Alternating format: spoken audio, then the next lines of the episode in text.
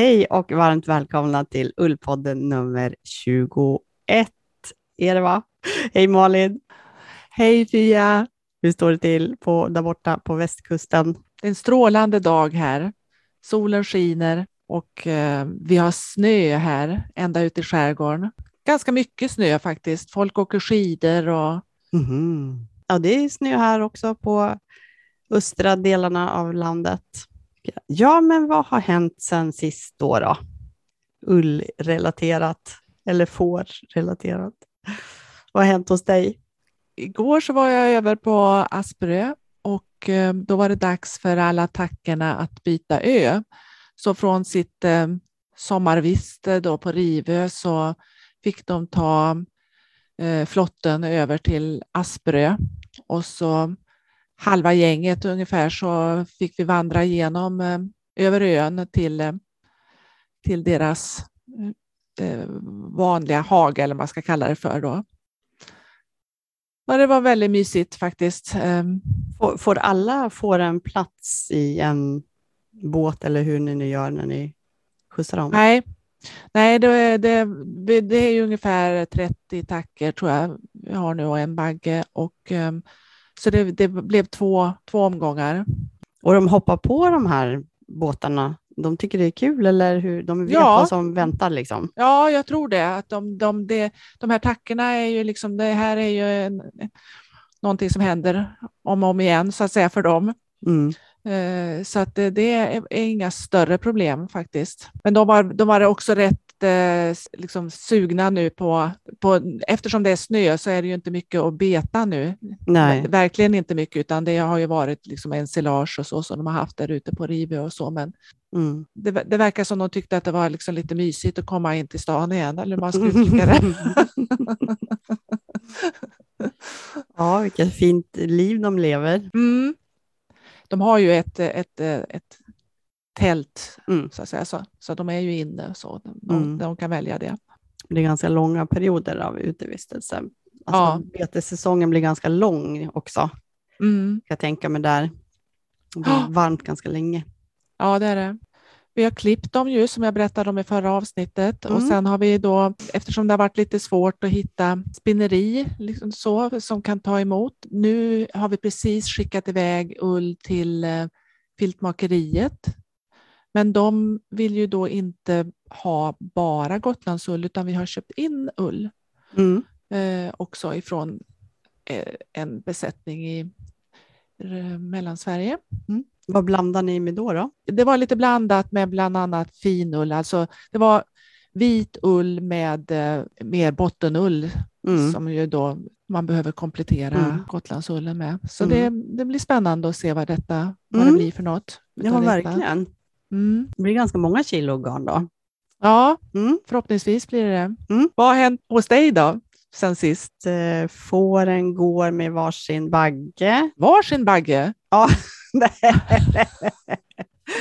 alltså, vi har två beteckningsgrupper nu då, en med, med Jämtlandsfår och en med Gotlandsfår. och de grupperna går de med varsin bagge, mm. eh, så att de håller sig inom sina raser.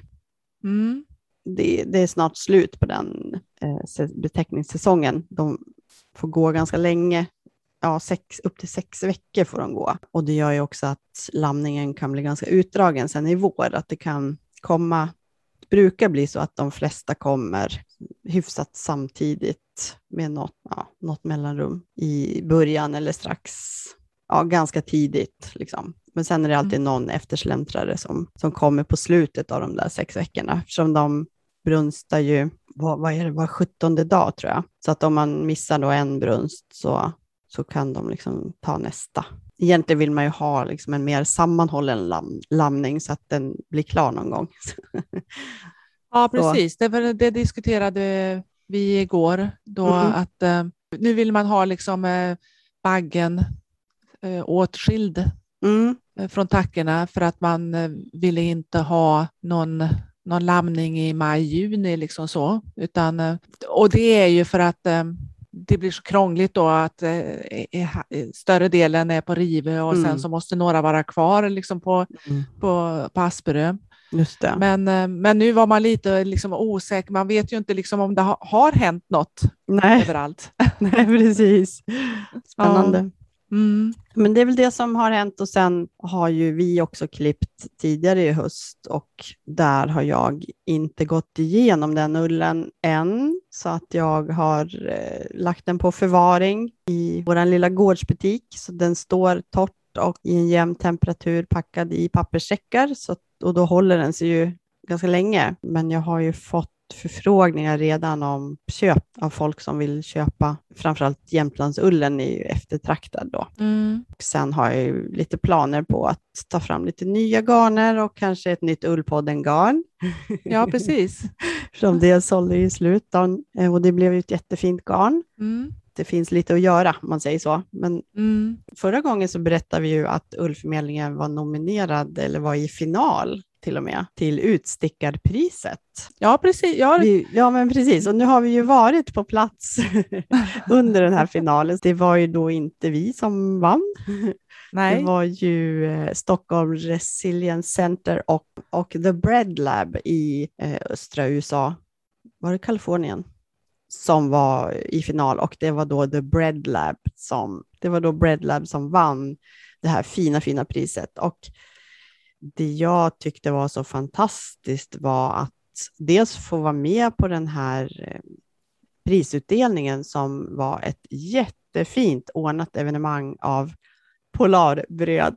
Och vi är inte sponsrade av Polarbröd, men eh, nu när vi har, har den här upplevelsen också från Utstickarpriset så, så vill man ju aldrig sluta äta Polarbröd. Nej, men det var en väldigt, väldigt fin tillställning och hur eh, för, det här företaget då jobbar så mycket med hållbarhetsfrågor och det är därför de har instiftat det här priset, Utstickarpriset. Och det som var roligt var ju då att ullen fick komma in i de här kretsarna. Det tyckte jag var fantastiskt kul. Och det behöver vi också prata mer om, alltså, tycker jag. Alltså ullen som, som hållbar fiber och naturfiber, hur klimatsmart liksom, den är som fiber. Och vi pratar ju ganska mycket om det, vi som redan är liksom ull nördar eller ullfrälsta, men eh, vi behöver också eh, ha mer offentliga samtal om det här, tycker jag, till andra branscher. Eh, men det här är ett ämne som vi kommer att prata mer om, Malin, nästa år, eller hur? Ja, jag tänker också att en, en sak som eh, vi förstod liksom under den här eh, eh, prisceremonin också när, när de olika företagen eh, presenterades närmare, eller framförallt The Bread Lab då när de presenterade sig, eh, pratade om sin verksamhet, så var det ju det här att det var sån stark eh, koppling till forskningen Mm. och att de hade liksom, doktorander kopplade till sig, till sin verksamhet. Och, Mm. och, och det, det är klart att det kanske inte vi i, i Ullförmedlingen kommer att ha en, någonsin på det sättet, men, eh, men eh, det, det är ju också en, en jag, jag har funderade på hur många doktorander finns det kring ull? Mm, precis. Hur, hur ser det ut med ullforskningen? Ja, exakt. Det, det börjar ju komma fler och fler uppsatser om ull, alltså de som skriver sina masteruppsatser, eller vad heter Mm. det, magister. Och det känns ju som att det är ökat de senaste åren. Men sen det här, finns det doktorander som har forskningsprojekt? Ja, möjligtvis då inom Textilhögskolan i Borås möjligtvis, um, som forskar liksom på fibernivå, där ullen kanske är liksom en del. Spontant så tror vi ju kanske inte att det är så mycket forskning. The Bread Lab är ju kopplat till The Washington University. Ja, både The Bread Lab och Stockholm Resilience Center är ju kopplade till universitet, så där, där var ju vi väldigt en udda fågel också Ja, eh, i det här sammanhanget. Men det var ett fantastiskt bra tillfälle att få prata ull och får och, och hållbarhet. det var det verkligen. Jätteroligt. Mm. Väldigt kul att få lite, lite glamour också tycker jag runt. Ja, verkligen. Mera gala. Pratade ju förut om det här med forskningen och, och utstickarpriset. Och även Mm. om vi inte har någon forskare kopplad till oss eh, så, så har vi ju det på sätt och vis, för vi har ju vår egen Asperger-kemist. Vi har ju tagit in en, en viss vetenskaplig blick på hanteringen av ull också. I avsnitt 18 Precis. så intervjuade ju du eh, Madeleine från Järbo Garn om Mm. deras eh, satsning på det här med svensk ull, alltså eh, garn, eh, garnkvaliteten svensk ull som, är, som bygger helt på svensk ull eh, och att de ville ta fram ett garn som eh, var lättillgängligt och fanns överallt i hela Sverige Mm. eh, till ett eh, rimligt pris Mm. och bestående av svensk ull. Mm. Ja, och då tänkte jag, ja, vi ska ju prata lite grann om de här nya böckerna Mm. som vi ger lite boktips. Så en av de böckerna som jag eh, tänkte prata om, det, den heter Färga garn och sticka. Naturligt med växter, svampar, lavar och löss Mm. utav Anna Bauer och Eva Cetreus. Ja, vad kul. Ja, och där, så, eh, där är det ju liksom fokus då på att eh, färga garn eh, och, eh, och sen har de också då stickmönster så att, så att man liksom kan se, för det är ju lite sådär eh, jag känner ju igen mig i det där att man, när man börjar att växtfärga, att man lätt blir lite besatt och så har man liksom eh, ett halvt ton eh, växtfärgat garn och eh, av alla möjliga olika kvaliteter och ingen riktig liksom, koll på vad det är man ska göra med det. Nej. Ja, Jag har visserligen stickat faktiskt en tröja i, i, under, under året här med, med, som mestadels eh, är olika växtfärgade garner. Mm. Mhm. Men i den här boken då, Mm. där är det ju också, då tar de ju upp liksom vad de har använt för garn och sen så eh, hur man färgar och sen är det exempel på olika modeller eh, som man kan sticka. Okej. Åtminstone en av eh, tröjorna där är den ofärgade eh, varianten av svensk ull som man har färgat och, och, och stickat en kofta av. Så det är kul tycker jag, liksom det här att det dyker upp i eh, olika Ja. ställen. Ja, men verkligen. Mm. En väldigt fin bok tycker jag också. Ja. Och, eh, I och med att det är då det här färga garn och sticka Mm. så är det ju liksom, det är ju inte alla varianter utav växter som man kan använda, utan det är liksom ett urval då. eh, Och, och sen så är det liksom, eh, sen då ser man då resultatet och sen så finns det då liksom modeller som är, Mm. är kopplade ihop. Den kom nu precis, va? 2021. Ja, det gjorde den. Vad roligt, för i ett Mm. gammalt avsnitt av Ullpodden så tipsade du också om en bok som handlade om växtfärgning. Jag minns den, kanske flera, men jag kommer inte ihåg vad de hette. Men eh, det var färga med svampar var en. Det är roligt tema som kommer tillbaka. Ja. Det är roligt tycker jag. Det var kul. Jag tänkte tipsa, tipsa om böcker som, som jag tänkte läsa i jul, Jaha. som jag inte har fått hem än. Nej. Jo, jag har faktiskt köpt två böcker av Erika Åberg Mm. som är verksam på Gotland och eh, som både designar och eh, skriver böcker. Och ja, man får väl säga att hon är en influencer egentligen inom hantverket. En, en bok av Erika Åberg som jag har beställt är från 2020 som jag inte har eh, eh, läst eller tittat i förut. Den heter Stickat till vardags. Och eh, vad jag fastnade med den här boken var just det här eh, att få tips och inspiration till att sticka bra vardagsplagg. Jag då, till skillnad från dig, har ju aldrig stickat en tröja. Nej, men nu ljuger jag. Jag stickade faktiskt en tröja när jag var 16 år, fast inte i ull. Eh, Jag hade en period där jag lärde mig sticka och just det, en väldigt enkel tröja i akrylgarn gjorde jag. Men eh, att få tips då på tröjor och koftor och vantar och mössor och sockar och, och allt möjligt som man kan liksom kombinera.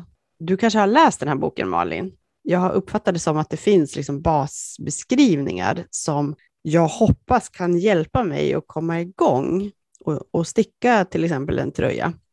Mm. Eh, Alltså sådana här oktröjor som stickas uppifrån och ner och, Mm. Och sen lite mer eleganta saker. Och så även tips på sticktekniker och skötselråd. Och, och vad jag gillar med, mycket med Erikas böcker, det är att de är väldigt smakfullt designade. Jag gillar liksom bilderna. Det är väldigt liksom det är väldigt snyggt designat Ja, det är det verkligen. med både färger och liksom, det är väldigt läckert. Mm. Eller hur? Ja, det är det absolut. Och så är det ju hennes egna akvareller och sånt också som, Mm. är, som man får liksom en del i hennes eh, process, liksom hur hon Exakt, eh, arbetar sig fram ifrån skisser till, till färdiga, färdiga stickade modeller. Och Hon inspireras ju mycket av naturen och färg, färger och former från naturen. Ja, Ja, jättefina böcker. Och sen den andra boken som jag också kommer läsa i jul, heter, det är hennes senaste bok, Sticka, sy och skapa. Kreativa projekt i naturliga material. mm. Och det är också då för att få inspiration till mer kreativitet och skapande eh, i vardagen. Att man kan använda material som man har hemma, återbruk eller ute i naturen och plocka rundbär och vass och nypon och allt möjligt. Mm. Men det är också mycket sticka då eh, och skapa. Så den eh, ska bli jättefin och få läsa under julen. Mm. Jag fram emot. Ja, ibland brukar man ju skoja om det här med liksom att man får en ny hobby och att det är, det är så mycket materialsport. Sådär att man köper verktyg och grejer och sånt där. Och det är ju roligt tycker jag. Och Mm. ett sånt där nytt verktyg som jag har prövat, jag har köpt en stoppapparat. Och det är ett gammalt verktyg som man, där man får hjälp liksom med att, eh, att laga, att stoppa hål helt enkelt. Mhm. Och då, då, då är det liksom olika krokar och så, så egentligen är det så här att man, man väver liksom ett, eh, man, får, hjälp- man skapar en liten miniväv över sitt hål. Mhm. Men det är hantverk, alltså det är manuellt ändå? Eller? Ja, just det, precis. Ja, ja. precis. Ja, ett tag så trodde jag också det här stoppapparatet att det var liksom på något sätt magiskt, att man bara gjorde någonting och så tjoff så Ja. var det liksom. Ja, det låter något som liksom är mekaniskt eller som Ja, rör sig, det. liksom, en Ja, apparat. precis. Ja, Mm. nej, det, det, det är ett väldigt liksom, eh, eh, enkelt ändå, Mm. liksom, eh, Mm. eh, mekanik runt omkring det. Men eh, det, är lite, det är lite kul, tänker jag, just det här som du tar upp ifrån eh, Erikas bok, då, det här att, ja, att laga, Mm. eh, att ta hand om Mm. och, och att, göra, att göra det slitna till något fint. Mm. Alltså eh, Precis. laga hålen så att de blir vackra, så att det blir ett, eh, Precis. tillför plagget någonting. Exakt. Det är roligt tycker jag. Jag tänker på när man var ung och fick hål på jeansen, då, då lappade man ju dem hela tiden i massa olika färger. Mm. Det här var väl 80-talet som jag var ung. och jag kommer ihåg, jag kom till min morfar, vi åkte till mormor och morfar och drack kaffe och min morfar var en sträng äldre man som hade vuxit upp väldigt fattigt och han blev så upprörd när han såg mina byxor. Mm. Han tyckte jag var en riktig fattiglapp. Jag skulle Mm. ha hela byxor. Nej. Ja, just det. Mm. Eh, och utifrån hans perspektiv så förstår man ju det. Mm. Det var lite intressant. Jag menar, nu ser man ju också unga människor på stan, 10 minus, där man, där man har hål liksom på knäna Ja, precis. och så ingenting under. Det, är liksom, det verkar vara en trend just nu. Då känner man sig lite gammal, eller hur? Man tänker liksom, men kära, Kära barn, vännen.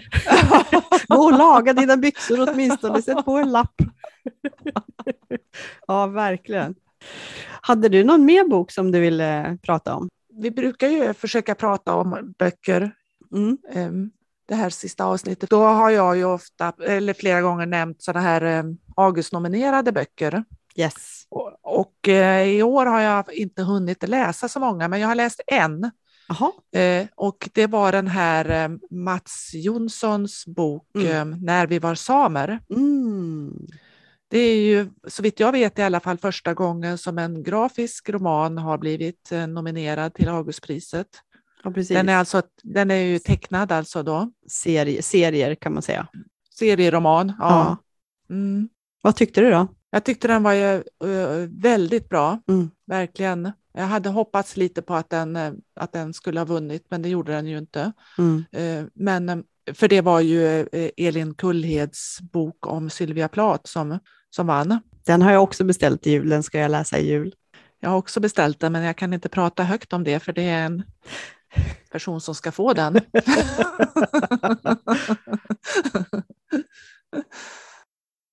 Jag hade också ett tips på trenden att flytta ut till landet som har gått i vågor.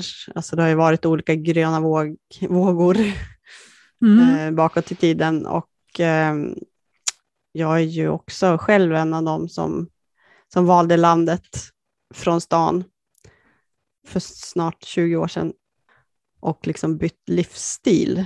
Och sen nu under den här pandemin så har ju intresset för att köpa hus på landet, både torp som alltså fritidshus och men också gårdar har ju mm. ökat lavinartat och priserna har gått upp nu när man liksom får möjlighet att förverkliga sina drömmar och där arbetslivet förändras och man kan jobba mycket på distans. Och, och det är många som tar det här steget och jag har ju själv funderat på att det inte har funnits så mycket böcker om det här. Det har ju kommit några, några tv-serier av kända mm. människor som flyttar ut på landet. Mm. Men nu hittar jag faktiskt två böcker. En som heter Meningen med landet av David Jonsta. Har du sett den? Nej. Min väg till ett jordat liv. Han och hans familj flyttar ut till en liten gård i Dalarna och drömmer om ett mer självförsörjande liv. Tänker bara att det här att det ska bli ett enkelt liv, liksom. men han är inte beredd på hur svårt det är och dels ta sig loss ur, ur ett prestationsinriktat samhälle, men också alla utmaningar som, som man ställs inför som man kan bli ganska stressad över. Och han beskriver det här ganska eh, målande, eh, där de satsar jättemycket på odlingar och får och byggprojekt. Och, och sen så, fast motivet var egentligen att sakta ner Fast det blir ju också den här livsstilen där man, ingenting tar slut. Allting pågår hela tiden och mm. det kan vara liksom tio olika saker samtidigt som, som måste fixas och det är hagar och det är saker som händer och det är alltså liv och död. Och jag håller på att läsa den här första delen. Var, ja, det, vi får se. Och den här har jag inte läst. Den heter Konsten att flytta ut till landet av en som heter Anders Muller. Och jag vill bara nämna de här böckerna som, som ett tips om att eh, just de här lite mer dokumentära och självupplevda berättelserna om att ställa om från ett stadsliv till ett landsliv, hur det livet kan te sig. Mm. Att man också kanske ofta har en idyllisk bild av hur det ska bli. Mm. Och sen så blir livet mycket tuffare av olika anledningar. Ja, precis. Men, det, det är väl det, det, mm. det, tuffa kanske får olika fokus, kan man säga så? Det, det, är inte så att man, man kan flytta ut, som jag uppfattar det i alla fall, och, och eh, gå omkring och reflektera och uh, ha långt hår och sväva liksom, i Timotej-reklam, så att säga. Men, men det kanske blir ett annat, mm. det jobbiga blir på ett annat sätt, eller hur? Mm. Kan, kan, det vara, kan det vara så? Ja, absolut. Alltså, jag tycker ju själv att, att eh, jag har gått från att kanske inte ha så mycket filosoferande tid, mm. eller reflekterande för all del, utan mer görandet. Liksom. Man gör. Mm. Och, och då är det konkreta saker som man gör som blir också rutiner. Det blir ett annat sätt att leva eftersom man jobbar ganska mycket fysiskt med kroppen och Eh, och till en viss gräns är det bra. Sen kan det bli också bli för mycket så att man får arbetsskador och, och så. Att man, att man klarar väldigt mycket mer än man tror. Mm. Bara det här att skaffa får. Jag trodde väl aldrig att jag skulle skaffa får. Jag tyckte inte att jag kunde något.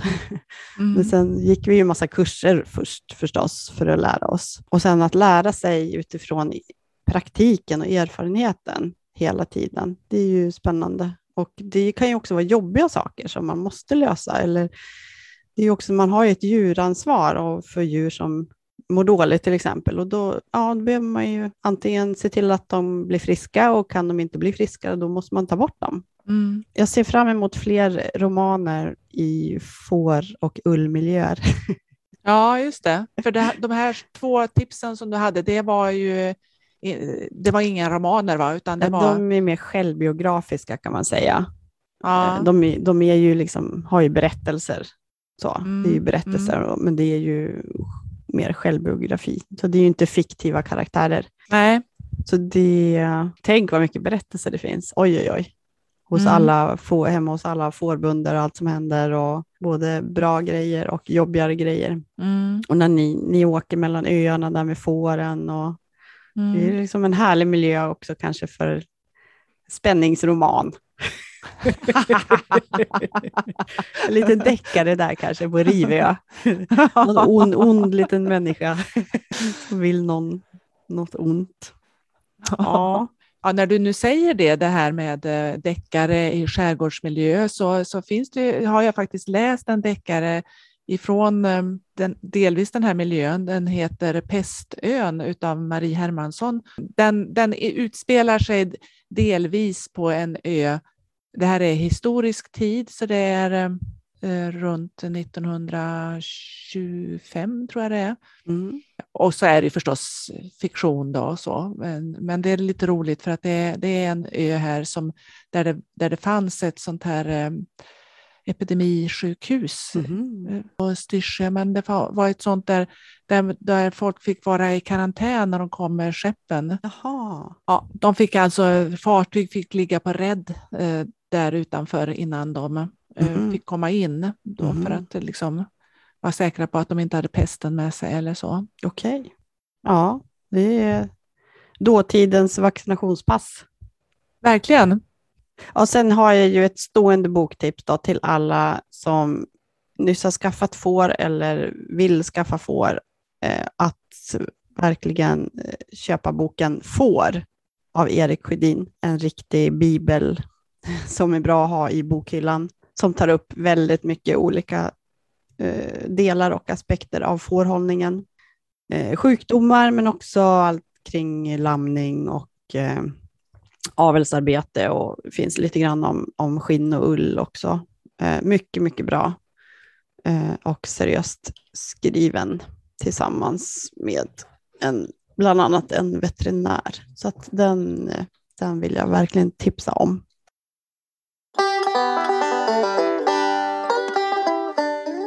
Ja, vi har ju pratat om ganska många fåraser i Ullpodden. Eh, jag tänkte att vi skulle avsluta det här året med att presentera Dorperfåret.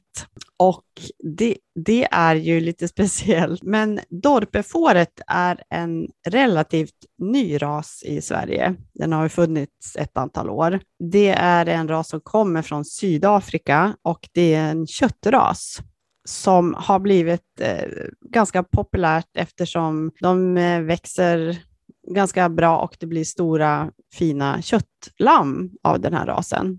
De är vita och har svart huvud och hals. Och det finns också vitdorper som är helvita, men eh, de är olika raser. Men de vanliga i Sverige som man kan se ibland, det är de här att de är vita på kroppen och så sen har de svarta huvuden och eh, svart på halsen. Och det är får då som, som klarar eh, tuffa, varma förhållanden, men också extrem kyla i Kanada till exempel. Så hetta i Mexiko och Sydafrika eh, klarar de liksom av och de är ganska lättgödda, klarar att leva på magra marker och, hör och häpna, den behöver inte klippas. Mhm. Fällen umsas. Spontant. Den tappar alltså sin ull eller Så det, sitt hår. Vi ska komma in på det. ja, just det. Det är lite som de här Savoyfåren och- så som vi pratade om. Precis. Alltså, De här ursprungliga de raserna. ursprungliga fåren tappade ju sin, sin päls, sin ull. Eh, och sen så började man ju förädla så smått eh, eh, för att använda ullen. Då.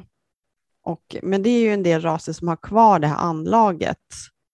Och även gutefåret har ju, har ju det anlaget att den fäller eller umsar, eller vad man nu Mm. kallar på våren kan man se många gutefår som, som liksom tappar sin, sin ull. Mm. Så en del då tycker att det här låter ju toppen, man behöver inte klippa dorperfåret och jag vill ha ett bra köttfår, så då skaffar man dorper.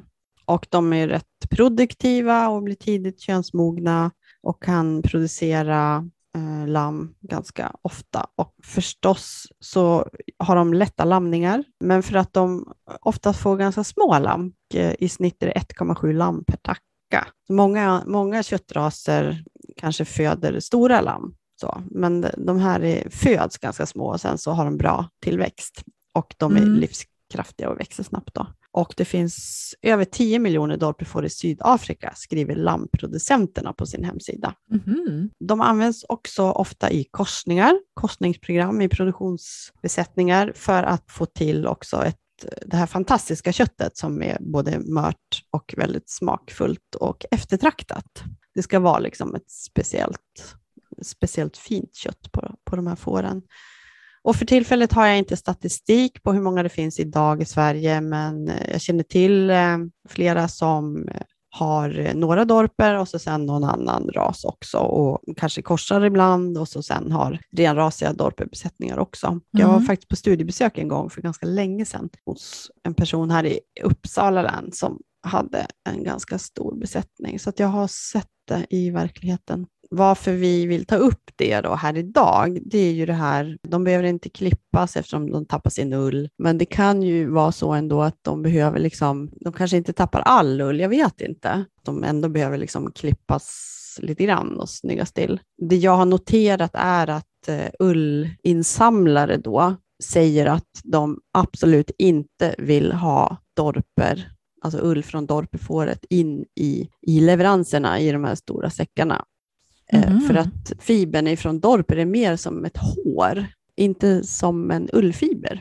Är det ungefär som ett eh, dödhår som man brukar säga? Ja, det kanske man kan säga. Som är ganska hårt och oformat, alltså det går i, svårt att böja, sticker Mm. ut. Om det är så att det är en, en stor sämning i en bal med massa finull och korsningar, finull, andra raser och så sen slänger man i lite dorper där också, då, då förstör man liksom hela, hela säcken. Då kan de inte använda det till förädling.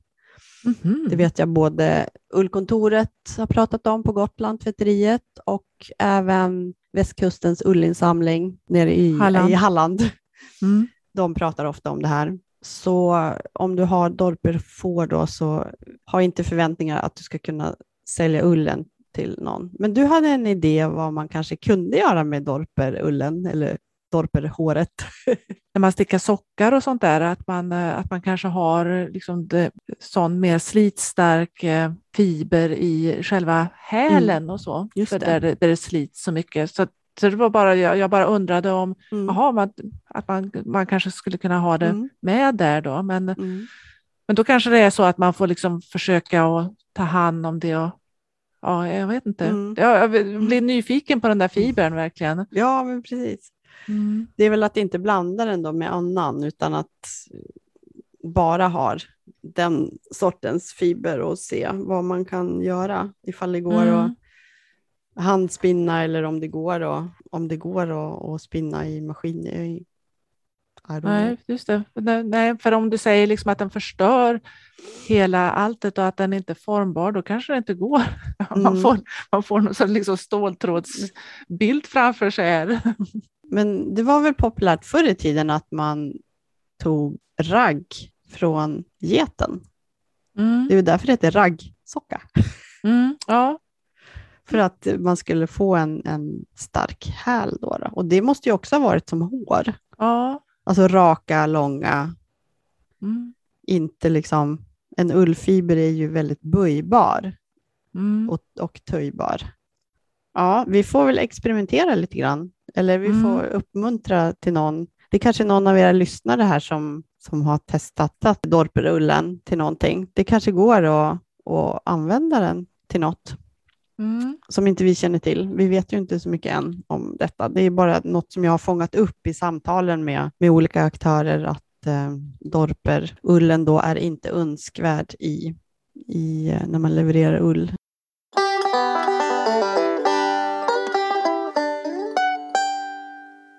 Jo, jag slängde ut en fråga här på vår Facebook-sida Ullpodden om det är så att du har något eh, någon särskild händelse eller person eller produkt eller någonting som du vill lyfta som årets ullbästa. Fortsätt gärna tipsa om det i, på Ull, Ullpoddens Facebook-sida. Vi har fått in några kommentarer. Men innan jag delar med mig av det som har kommit in så har du Malin någon sån här ullbästa 2021? Kommer du minnas som den största ull, ullgrejen, personen, händelsen? Ja, det måste ju vara vårt Ullpodden-garn då i så fall. Mm. Vad var det som var så bra med det tycker du? Jag tyckte det var kul det här att vi blandade um, Jämtland med Gotland. Mm.